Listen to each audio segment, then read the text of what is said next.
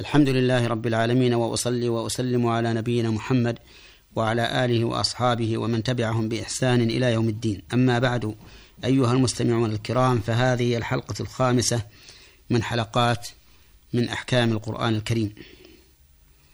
يقول الله عز وجل وإذ ابتلى إبراهيم ربه بكلمات فأتمهن. قال إني جاعلك للناس إماما. قال ومن ذريتي. قال لا ينال عهد الظالمين. يقول الله تعالى وإذ ابتلى إبراهيم أي اختبره. وإبراهيم هو ابن آزر وهو خليل الرحمن سبحانه وتعالى وصلى الله وسلم على إبراهيم.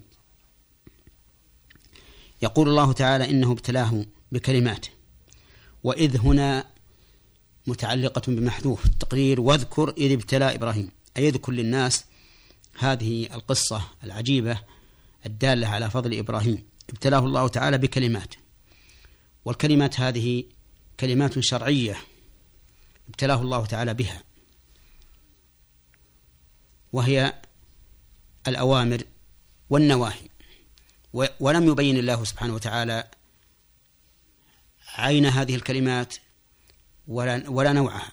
لكن نعلم أنها كلمات تكليفية قام بها إبراهيم عليه الصلاة والسلام على الوجه الذي ابتلاه الله تعالى بها به على الوجه الذي ابتلاه الله به بها حسب ما يرضي, ما يرضي الله عز وجل. ومن ذلك أن الله تعالى أمره أن يذبح ابنه إسماعيل بعد أن بلغ معه السعي. كما قال الله تعالى وقال إني ذاهب إلى ربي سيهدين رب هب لي من الصالحين فبشرناه بغلام حليم فلما بلغه بلغ معه السعي قال يا بني إني أرى في المنام أني أذبحك فانظر ماذا ترى. قال يا أبت افعل ما تؤمر ستجدني إن شاء الله من الصابرين.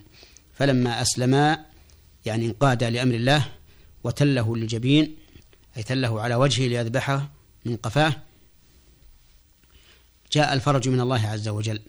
وناديناه أي يا إبراهيم قد صدقت الرؤيا إن كذلك نجزي المحسنين إن هذا لهو البلاء المبين. فابتلى الله تعالى إبراهيم عليه الصلاة والسلام بكلمات أوامر ونواهي فأتمهن. وهذا هو محل الثناء. أنه لما ابتلي به بذلك أتمهن على الوجه الذي يرضى به الله عز وجل. فأثابه الله تعالى ذلك الثواب العظيم. قال إني جاعلك للناس إماما. أي قدوة يقتدي به يقتدي بها الناس. قال ومن ذريتي. يعني واجعل من ذريتي إماما أو اجعل من ذريتي أئمة. قال لا ينال عهد الظالمين. فتعهد الله له بذلك إلا أنه استثنى. فقال لا ينال عهد الظالمين. ومن أكبر الأئمة بل هو أكبر الأئمة من ذريته محمد صلى الله عليه وآله وسلم. فهو إمام المتقين صلوات الله وسلامه عليه بل هو إمام الأنبياء صلى الله عليه وآله وسلم وإن كان آخرهم كما ثبت ذلك في قصة الإسراء والمعراج حيث صلى بهم صلوات الله وسلامه عليه إماما. قال ومن ذريتي قال لا ينال عهد الظالمين أي من كان ذا ظلم لنفسه بالإشراك بالله فإنه لا يمكن أن يكون إماما. من فوائد هذه الآية الكريمة وأحكامها أن الله أمر نبيه صلى الله عليه وآله وسلم أن يذكر للناس ما حصل من الابتلاء لإبراهيم عليه الصلاة والسلام.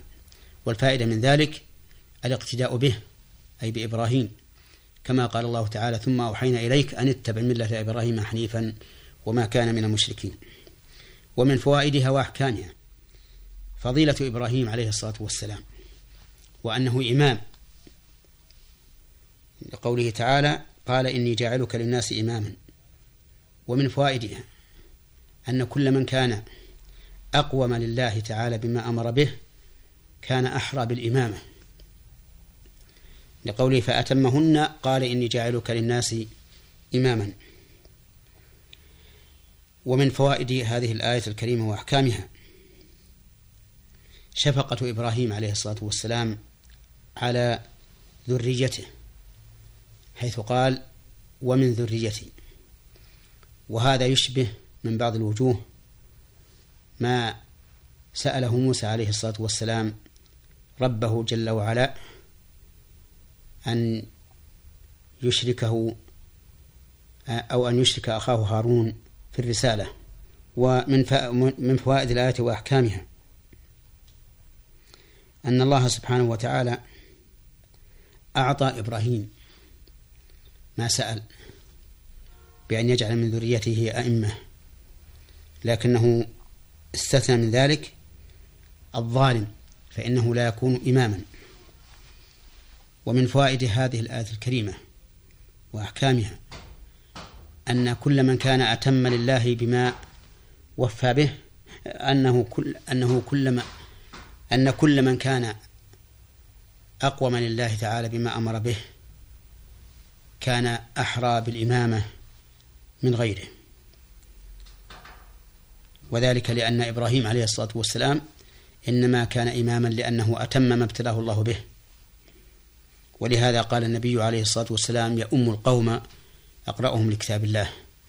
فإن كانوا في القراءة سواء فأعلمهم, فأعلمهم بالسنة فإن كانوا في السنة سواء فأقدمهم هجرة فإن كانوا في الهجرة سواء فأقدمهم سلما أو قال سنا ومن فوائد هذه الآية الكريمة كراهة الله تعالى للظلم. ومن فوائد هذه الآية الكريمة كراهة الله تعالى للظلم ولذلك لم يجعل لظالم إمامه. ثم قال تعالى وإذ جعلنا البيت مثابة للناس وأمنا واتخذوا من مقام إبراهيم مصلى. وعهدنا إلى إبراهيم وإسماعيل أن طهر بيتي للطائفين والقائمين للطائفين والعاكفين والركع السجود. هذه الآية سوف نتكلم عنها إن شاء الله تعالى في حلقة قادمة لأن الوقت لنا محدد وقد انتهى. فإلى حلقة قادمة والسلام عليكم ورحمة الله وبركاته.